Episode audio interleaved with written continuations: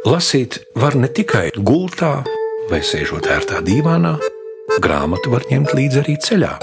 Radio mazā lasītava ceļo. Sadarbībā ar Borisa un Ināras Teterevu fondu. Radio mazā lasītava arī šovasar turpina ceļot, paplašinot savus maršrutus no rakstnieku muzejiem uz jaunām un netik jaunām Latvijas kultūra vietām. Līgatnes zeiti veidojuši divi labā nozīmē traki cilvēki - Marģers un Inese Zeitmaņi kopā ar domu biedriem. Bet šīs vietas īpašā piesaiste trimdas literatūrai radīja arī šī vakara lasām karti. Trimdinieka Anšla Veglīša grāmatas un kādu grāmatu, kurā mums bija tas gods ieskatīties vēl pirms tā iznāk romānu un monogrāfiju sērijā Es esmu. Teātras zinātnieces sievas strukas monogrāfijā par Anšlavu Eglīti, autorei klātesot. Bet vispirms jautājums Inesē Zeitmanai par šo vietu, kur skan gan mūzika, gan zeja, gan garšo ēdieni un sarunas par zeita. Tātad mēs sāksim ar to, ka mēs ieviesīsim skaidrību, kā sauc šo vietu, kur mēs atrodamies. To droši vien mums vislabāk varēs pateikt Inese Zeitmane. Sveiki, Ines! Labvakar! Es teiktu, ka mēs esam zeitā, zeitiņā, kā mēs paši sakam. Vāciski runājošie noteikti teiktu ceitā. Jā, jo mēs uh, šeit eh, atrodoties, tiešām dzirdam, kā tik cilvēki to neloca. Bet īstenībā tas ir atvasināts no uzvārda, no zeitmanis, līdz ar to teiktu zeits. Bet eh, jūs minējāt pirms tam vēl vienu tādu mīļvārdiņu, kā šo vietu sauc vietējie. Kasku cehs. Iesim uz kaskām. Jā, jo šeit vēsturiski ir bijis sākot no papīra fabrikas zirgu staļiem, kaut kādu mirklīti arī skoliņa. Bet ilgākais laiks, laikam, vēsturē šeit tika ražotas eh, ķiveres, jeb kā saka, tautā kaskas, un līdz ar to tas ir iegājies, kad, nu, kasku cehs. Pretī pāri ielai ir konservu cehs, tāda ra ražotāji, cehi, cehi, jā, viens pēc otra. Jā. Gunārs Zāboliņš bija tas cilvēks, kurš mums teica, ka noteikti jāaizbrauc uz Līgatnes zeitu, jo tur ir daudz trimdas grāmatu un skaņu plašu. Bet mēs savukārt uzrunājām teātras zinātnieci Ievu Struku, zinot, ka viņas manuskripts monogrāfijai par Anšlavu Eglīti ir gatavs un rudenī gaidāms iznākam dienas grāmatā. Pirms Ieva stāsta un Gunārs lasa vēl jautājums Inesei. Mēs zinām, ka daudz vietā pasaulē trimdas latviešu grāmatas kaut kur uzkrājas, un neviens nesaprot, ko ar to darīt. Bet šeit varbūt varētu būt lasītāji. Ziniet, tā ideja nonāca pie mums pilnīgi nejauši. Šeit jau vairākās paudzēs ir tāda beķera dzimta, un viens ir jūsu kolēģis Hārs Beķers. Eh, kurš ter eh, šādi iegriežās un pasēž un parunājās, un viņš pamet kā ideju kad ir Melnburnā, Daugaus vanagi, nezinu, ko darīt ar grāmatām, ka būtībā tā ir priekš Latvijas, priekš latviešu tautas, tā ir diezgan unikāla, jo tā ir tikai tur izdota, izdoti darbi. Un ka viņi iet nebūtībā, jo grūti ir, diemžēl, saglabāt tās vai piespiest bērnam lasīt to grāmatu, lasīt latviešu valodā, un iespējams, ka pēc jau tik daudziem gadiem vairs tas nav aktuāli. Un Marģers tāds dūls būdams, pateica, un kāpēc nē? Un uh, sākotnēji cilvēks sazinājās ar Hāri, un pēc tam bija LSM raksts, ka mēs vācam, un tad bija tāds beigais uh, uzrāviens, un patreiz mēs gaidām no Vācijas. Tur būs nu, ar tā, tā, tādā lielākā apjomā. Un valsts, no kurām sūta, tā ir Amerika, tā ir Austrālija, Zviedrija, Gan ir dažas grāmatas, kuras ir unikālas, tiešām vērtīgas, arī skaņu plates vērtīgas, ko arī noteikti jūs novērtējāt. Un, un tad mēs pēc tam vienā reizē filozofējām, ka acīm redzot, mums ir tāda, nezinu, zvaigznēs ierakstīts, mēs šo vietu atjaunojām, un tad gribās dot arī to dzīvību no šīm grāmatām, lai viņas neizmet ārā. Jo es skatījos, kad um, ir Anšlava Eglīša grāmata, tās um, piecas dienas, manuprāt. Jā. Vēl 85. gadā, ja nemaldos, kas nav nemaz tik sen, par šo te vai līdzīgu, nezinu. Doroņina Lasmana tika izsūtīta, jo tā bija aizliegta grāmata. Un, uh, mūsdienās to varbūt ir tā grūti saprast, bet jā, un, un tas nav kaut kad pirms simts gadiem vai, vai kaut kādā baigā tālā pagātnē, par kuru mums nav ne mazākās nojausmas. Mēs varam atklāt, ka mēs te katrs pa kādai grāmatai jau paturējām rokā un teicām, ka tā ir bezgala vērtīga, bet Ines, jūs apzināties, ka pēc šī raidījuma jums zvanīs un piedāvās gan trimdas bibliotekas, gan nāks cilvēki, kur teiks, kur te tās var lasīt, jūs laižat lasīt? Mēs pagaidām vēl nelaižam lasīt. Mēs gribam viņas sistematizēt un saprast vispār. Jo, piemēram, ir tādi, ko mēs tagad jau esam saskārušies. It kā autors viens un tas pats, grāmatas vizuālais izskats atšķiras. Un mēs saprotam, ka ir vienkārši izdots citā pilsētā, bet tur ir arī jāatrod laiks. Varbūt ar jūsu palīdzību jāielasās, vai tā ir viena un tā pati grāmata. Anšlaus Eglīts pats raksta no grāmatas Piecas dienas. Bija cieši nolēmis nekādā ziņā nestrādāt nacionalizētajā rūpnīcā un ar skubu vien sāku meklēt nodarbošanos. Mans domas grozījās ap teātri un teātra cilvēkiem. Kaunis braucienā biju sadraudzējies ar vairākiem aktieriem, un teātris gaisotne man likās visai pievilcīga. Man skati vērsās arī uz avīžniecību, Man bija paziņas jaunāko ziņu plašajā uzņēmumā. Sevišķi pēdējā pusgadā es bieži vien mēdzu iegriezties redakcijā, patērzēt ar vienu otru paziņu, ievākt jaunāko izziņu. Šo lielisko laikrakstu, kas varēja sacensties ar vislabākajām vakar Eiropas avīzēm, nacionalizētāji un nemākuļi komisāri ātri vien pārvērta par nožēlojamu gaudanu provinciālu partijas lapu, kurā izņemot valdības rīkojumus un dumjās propagandas blēņas ar parastajiem cildinājumiem Staļinam, nebija itin nekā ko lasīt. Bet tā kā laikrakstam, kas bija pārdēvēts par padomju Latviju, vajadzēja kārtīgi iznākt, tad lielākā daļa veco darbinieku vismaz pagaidām bija paturēti darbā. Īsu brīdi par redaktoru darbojās ārsts homeopāts Haralds Lukins, ko partija bija iecēlusi šajā amatā, ērmīgi pārskatoties. Viņš tika steidzīgi atlaists, bet redakcijā joprojām strādāja kādreiz izcilais vieglatlēts mūzis, kas darbojās par sporta notikumu ziņotāju un humorists, feļetonists Strauchs Kokaīns. Ievai man ir jautājums par to Anšla Veglīti un monogrāfiju, jo tajā projektā es esmu. Es vienmēr jautāju, nu, kā tie rakstnieki nonāk līdz jums tieši tie.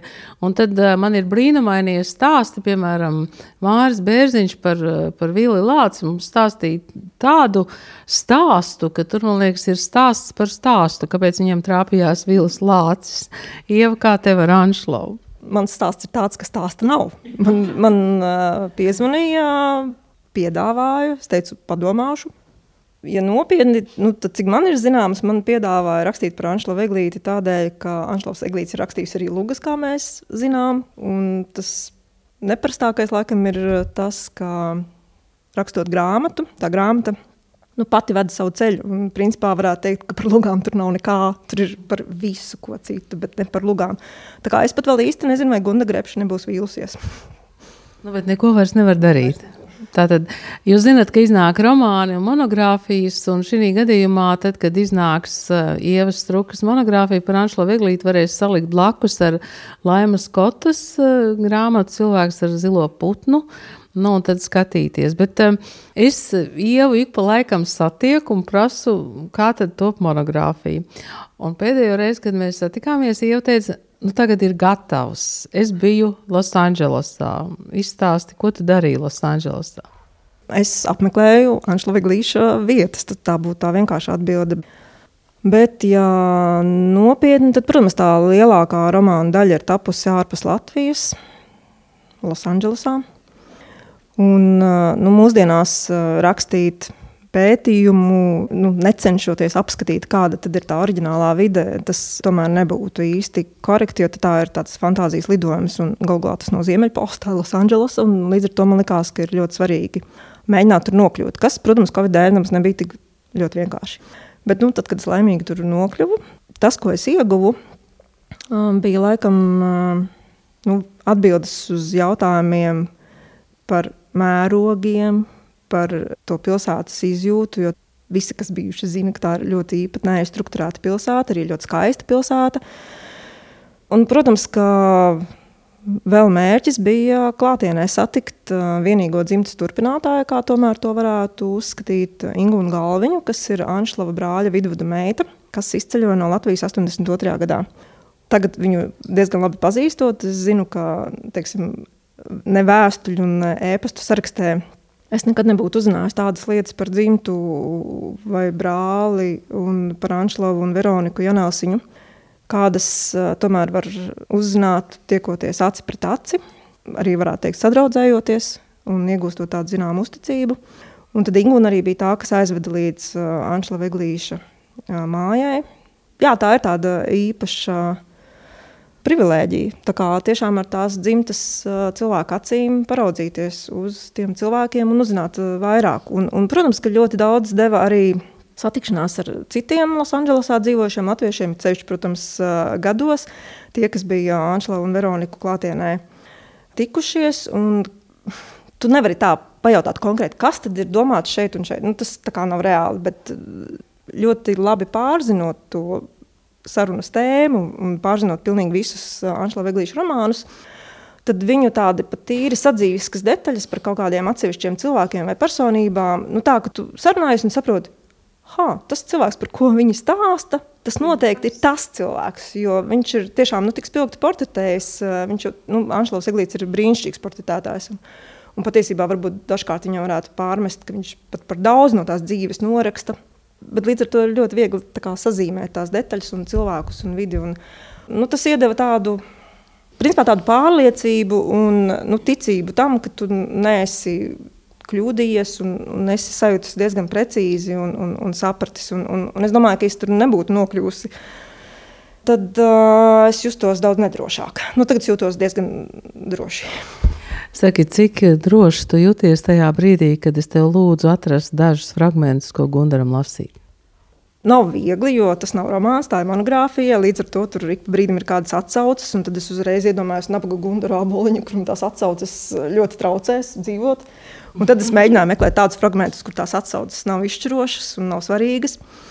Un, protams, nu, bija dažas lietas, ko es gribēju atstāt kā pārsteigumu, tomēr, lai iznāk grāmata un lai ir daži negaidīti risinājumi un brīži. Un dažas tādas tiešām specifiskas lietas ir ļoti svarīgs konteksts, un jebkurš fragments eh, nu, neļauj to kontekstu iedot.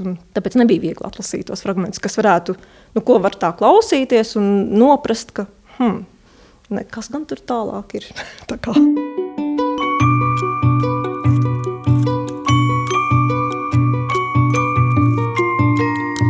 Radio Mazā lasītava.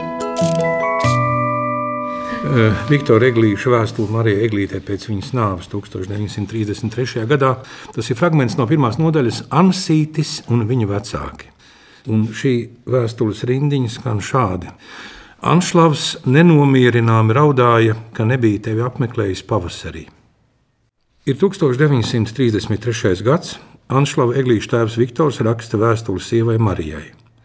No Marijas nāves ir pagājuši septiņi gadi, un tās tapšanas iemesls nav īsti skaidrs, jo vēsturē līdz minūtes precizitātei atsaukta atmiņā Marijas aiziešanas diena.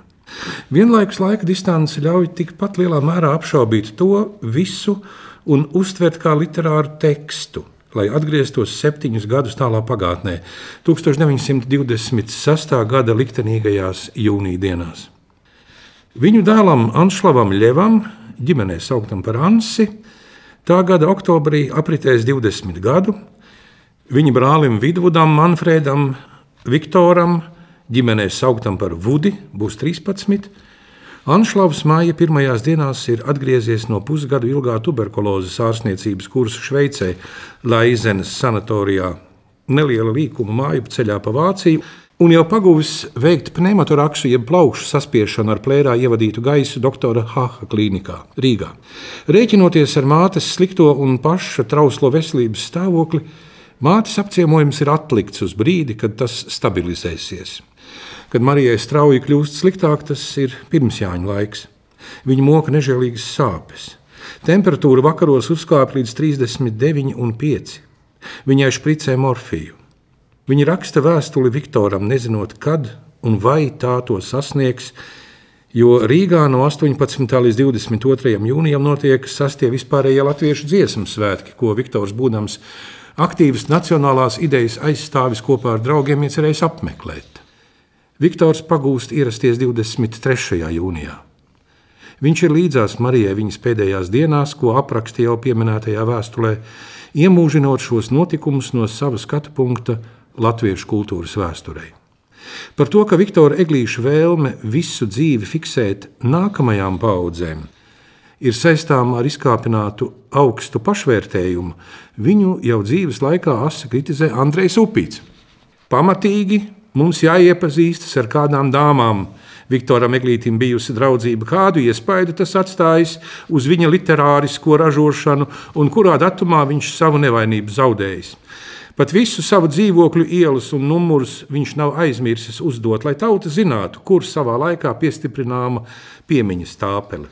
Ja jau tas tā, Kā tad, lai tautai paliktu nezināms, ka savu pirmo dēlu Viktors Eglīts nokrustīs par gaismas dievu Anšlavu, krieviski ļevu, un ka šis mazais dieviņš jau toreiz svēra deviņu un pus mārciņas, katrā ziņā vairāk kā viņa laicīgais papā attiecīgajā vecumā. Trūkst vēl tikai ziņu, cik reiz dienā viņš drēbītis saslapinājis, cik akušereiz samaksāts un tam līdzīgi. Jaunā ceisa turpmākai autobiogrāfijai gluži nepieciešami dati. Anšlavs un Vidvuds pie mātes ierodas tikai pēc viņas nāves. Izlasot šo vienu pēcnāvas vēstuli, varētu pieņemt, ka rakstnieks Viktors Eglītis pašaizliedzīgi aprūpē dzīves biedri viņas dzīves pēdējās dienās. Lai cik sarežģīta būtu bijusi kopdzīve 22 laulības gados, tomēr abu laulāto augstākā atklātības pakāpe vienam pret otru, kas fiksēta sarakstā, ļauj secināt, ka cilvēks un rakstnieks Viktors Eglītis ir divas dažādas personības, pat visdramatiskāko pārbaudījumu brīžos. 1926. gada ziema ir laiks, kad rakstnieks Viktors Eglītis ļaujas tuvām attiecībām ar Aiju Bertrāni, Haiju Ivanovu, kas ieradusies Rīgā no Parīzes kur viņa dzīvo pastāvīgi, būdama Raimonda Dunkāna deju skolas lietvede un viena no viņa dzīves biedrēm. Pieredzes būt noteicējis attiecībās, Viktors Eglītis piedzīvo diskomfortu aijas aktīvās un temperamentīgās uzvedības dēļ. Tālāk, lai gan sākotnēji Marija ir pārliecināta, ka viņa laulība tiks šķirta, jo Viktors vēlas apprecēt aiju, tā tas tomēr nenotiek. Nekad tu man nesi tik bezgalīgi mīļa bijusi kā tagad. Es esmu taisni līdz raudām tevi iemīlējies un pats nezinu par ko. Varbūt taisni tam dēļ, ka pie manis ir aija, ar kur mums nekas nevar iznākt. Viņa bija vēl viena mana maldu zvaigzne, kur likās varētu stāties kādreiz tavā vietā, bet nu es zinu, ka ja tevi pazaudēšu, tad mana zaudējuma neviena un nekad vairs neatsvērs. Jo tas, kas ir tevī, Tagad man liekas tik brīnišķīgs un rets, ka otrreiz man tādas nesatikt ne šai, ne viņā pasaulē. Nu, mēs visi nākam no saviem vecākiem pirmām kārtām, un tas uh, abu attiecību stāsts viennozīmīgi ietekmē Anšela Veglītu un viņa brāli gan tīri. Nu, Tiešām tīri psiholoģiski, bet uh, otrkārt, nu, abi vecāki ir izcils kultūras personības. Līdz ar to nu, Anšels Eglīts jau ir principā uzauga starp diviem pedagogiem, un diviem literātiem, un diviem mūziķiem un glaznotājiem. Tā kā, nu, tas rakstīt par Anšelu Veglītu un nerakstīt par viņa vecākiem, tas īstenībā nav iespējams. Sarežģīto uzdevumu sameklēt priekšā lasāmus fragmentus no monogrāfijas par Anšelu Veglīti Ieva Struka izpildīja ar radošu atbildību. Viens no fragmentiem saistās ar romānu Homo novus. Egoistiski teikšu, manai paudzei Tas ir svarīgs darbs tādēļ, ka ar to sākās festivāls Homonovs un principā ar Daugavpils teātri izrādi. Bet nu, katrai paudzei kaut kas cits. Un uh, Homonovs, es domāju, protams, tā lielākā nozīme ir, ka tas top kara laikā, 43. gadā, un tā ir iespēja rakstīt par tēmām, kuras ir visnevainīgākās, jo diezgan daudz darba kara laikā ir saistīti tieši ar mākslu, lai būtu maksimāli atrauts tās rakstnieks no politikas. Uh, Jo kara laika cenzūra arī vācu laikā ir pietiekami spēcīga. Tas nav tikai par padomju okupācijas periodu. Un tādēļ tas Latvijas mākslas dzīve, brīvās Latvijas mākslas dzīve, ir nu, patiesībā ļoti pateicīgs temats. Un, protams, ka Anšlaus Eglīts to ļoti labi pārzina. Tādēļ, ka viņš ir beidzis mākslas akadēmiju un, principā, ja prasa, kas ir Anšlaus Eglīts, tad nu, teorētiski būtu jāatbild vispār, ka viņš ir mākslinieks, nevis rakstnieks, jo tā ir viņa iegūtā profesija. Bet, gleznojošais rakstnieks vai rakstošais gleznotājs? Jā, jā, jā, kaut kā tā. Tādēļ, ka tomēr viņš to rakstīt prasmi ir mācījies vairāk mājās, nevis kādās studijās. Un, nu, visbeidzot, jā, tieši tā, paldies Annai Vidulē, filma bija ļoti jauka, Katram tur noteikti ir kādi savi mīļākie varoņi, bet uh, skatoties arī atkārtot, un zinot, jau, ka nāksies rakstīt, es, es novērtēju arī ļoti daudzās smalkās detaļas, ieskaitot Gundara uznācienu. Un aizgājienu. Un aizgājienu. nu, man ir fragments tomēr, no literatūras. Fragments no trešās nodaļas katastrofa, jeb es nebiju varonis. Paralēli upenāja augšup ejai un Rīgas mākslas videi eglītis Romanā Homonovs – Ar vieglu pieskārienu tālo arī cilvēkus, kam ikdienā ar mākslu maz sakara un viņa domas par mākslu. Par to izsakās gan Casvainiete, kas nu jau labu laiku dzīvo Rīgā un izīrē istabas, gan zemnieks Zuitiņš, kurš iekļūst mākslas sacensību vērtētāju komandā. Tomēr viskolorītākais ir Rīgas ormanis, kurš vadās salutāuru pa visu Rīgu vienas diennakts garumā, jo antreprenieris Pušmucavs tomēr piespiež viņu sagatavot izsludinātajai personāla izstādē 20 darbus. Ormanis katru stundu maina skeptisko viedokli par to, kas ir māksla. Uz daudz pieņemošāku, jo redz, ka Pušmucovs ne tikai izrauj nenožuvušos darbus no rokām, bet pabaro un padzirda mākslinieku ar visu, ko vien tas vēlas.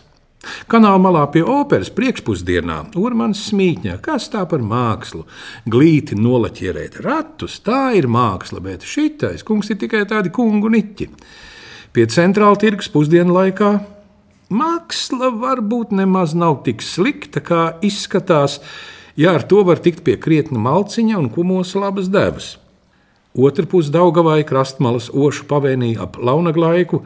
Māksla man sāk patikt ar vien vairāk. Es tikai to lāgā nesaprotu. Atgriežoties Rīgas pusē, pievakarē, ak, tu mīļais, ir gan tā māksla, varana lieta. Un visbeidzot, Andrejā ostā, kad jau stipri tumšs, Es gan zinu, kas ir māksla. Es tikai nevaru tā izrunāt.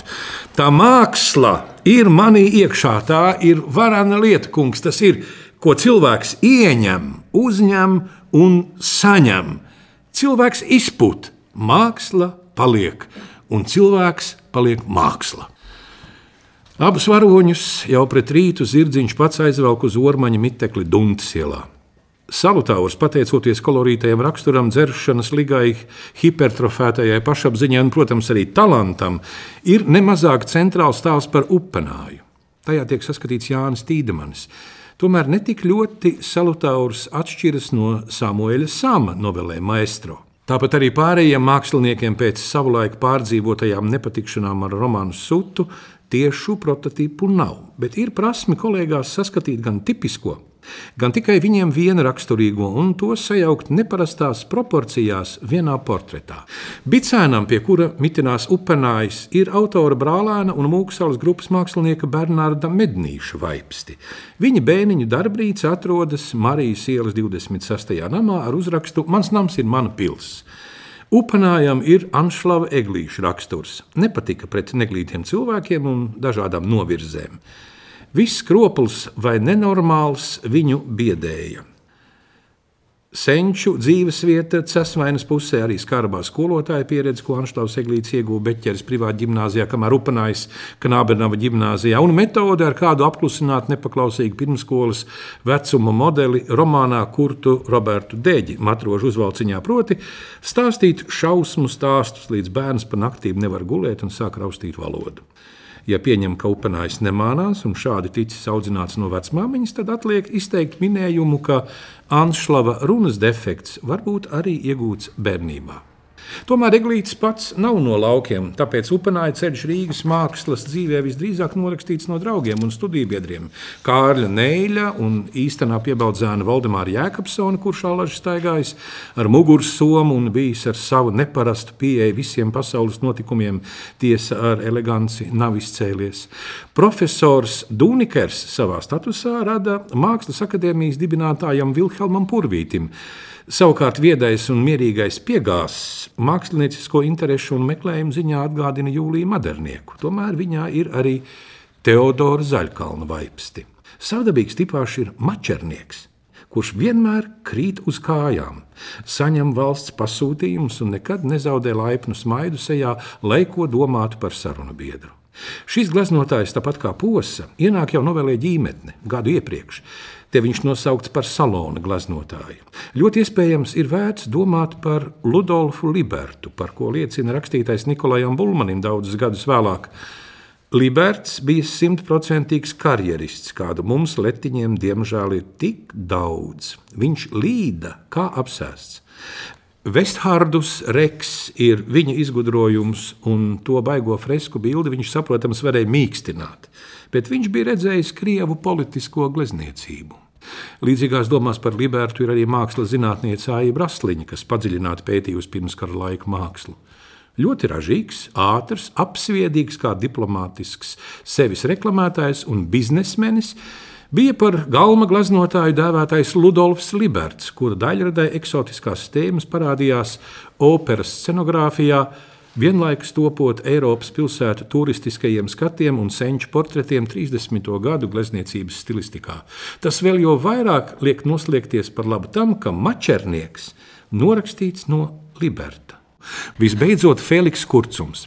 Dažādos avotos minēts daudzpusīgais mākslas kritiķis Visvaldis Peņģerots, kura vārds izskanēja arī filmas Homonovas tapšanas laikā. Tomēr Kurcumā samanām līdzība arī ar jau pieminēto Anšlavu tuvo draugu un kolēģi izdarīgo, runīgo, apsviedīgo mūksalas mākslinieku grupas organizatoru Artūru Jūras teteri, par ko liecina Kārļa Nēļa vēstule par to kurcumu. Mums visiem bija skaidrs, ka tas ir Artūriņš. Nesmu nevienu saticis, kas domātu citādi, un nedomāju, ka tu varēsi kādam iestāstīt, ka tas būtu kaut kāds peņģerots. Gunārs Aboliņš lasīja fragmentus no Ievas Strukas monogrāfijas par Anšlavu Eglīti, par skaisto un aplamo dzīvi Anšlaus Eglītis, kuru gaidām rudenī dienas grāmatā. Paldies Līgatnes kultūrvietai Zeit par viesmīlību un ieinteresētām sarunām. Klāt bija Agita Bērziņa, Gins Grīvāns, Andis Palējs un Ingvilds Strautmane, neklātienē Nora Mitspapa. Ievai Strukai vēl kāda ļoti būtiska piebilde gan par Anšlavu, gan trimdiniekiem literatūrā. Nu, jā, es nevaru lepoties, ka es būtu pirms tam bijusi izlasījusi visus trījus romānus. Pirmkārt, esmu, otrkārt, lai tu uzrakstītu jāsaka, nākas izlasīt nevis vienreiz, bet divas un pat trīs reizes. Un tas ir diezgan daudz. Un līdz ar to jā, nu, man ir gan mainījies gan priekšstats, gan iespaidi. Un, uh, tad ir jābūt kaut kam ļoti konkrētam, kāds man bija. Nu, man bija droši vien tāds kā daudziem, ka tu redzi priekšā tādu elegantu kungu, kurš fotografējas ar kinozvaigznēm un ir, kuram ir brīnišķīgi sirmi mati. Un kupli. Un kupli. Un uh, kinozvaigznes ik pa laikam viņas parausta. Vai ir īsti? Un ir. Un ir. Bet uh, līdz ar to es varētu teikt, ka drīzāk es ieguvu kaut kādu ļoti konkrētu priekšstatu. Un, un tas ir uh, tāds uh, ļoti sāpīgs un, varētu teikt, skumjš stāsts. Jo es domāju, ka tā ir uh, milzīga traģēdija, par kuru mēs diezgan viegli šobrīd šajā politiskā situācijā varam iedomāties. Ko nozīmē pazaudēt mājas, pazaudēt dzimteni un principā nu, visu mūžu. Tas ir tavs aicinājums rakstīt grāmatas, un tu raksti ļoti, ļoti mazam lasītāju skaitam. Tu nezini, vai jebkad dzimtenē kāds to izlasīs, un vai viņam par to nedraudēs sots. Jo tas, tas nav bez iemesla tieši tā. Par piecām dienām varēja nonākt Sibīrijā, un vēl par dažiem darbiem. Un vienlaikus no viņa puses tas bija arī apzināts gājiens rakstīt piecas dienas ļoti asas, jo tajā periodā viņu jau no Latvijas kultūras sakaru komitejas jau meklēja rokā cilvēku un mēģina dibināt šos kontaktus. Un īsti nav pamata arī atteikt, kaut arī tā viņu ģimenes attieksme ir ļoti nu, krasi noraidošu. Nu, tad uzrakstot piecas dienas arī no Latvijas puses uz ilgāku laiku, tā interese par Anšlavu Eglīti no kultūras sakara komitejas pazūd.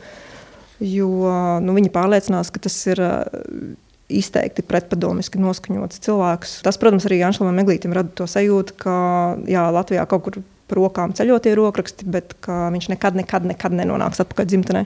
Un tā ir uh, mākslinieka traģēdija. To ne ar ko nevar salīdzināt. Tie 3000 lasītāji apmēram, kas ir trimdā, un tas miljons latviešu, kas dzīvo Latvijā un pie kuriem tu netiec. Lasīt var ne tikai gultā vai sēžot ērtā dīvānā, grāmatu var ņemt līdzi arī ceļā.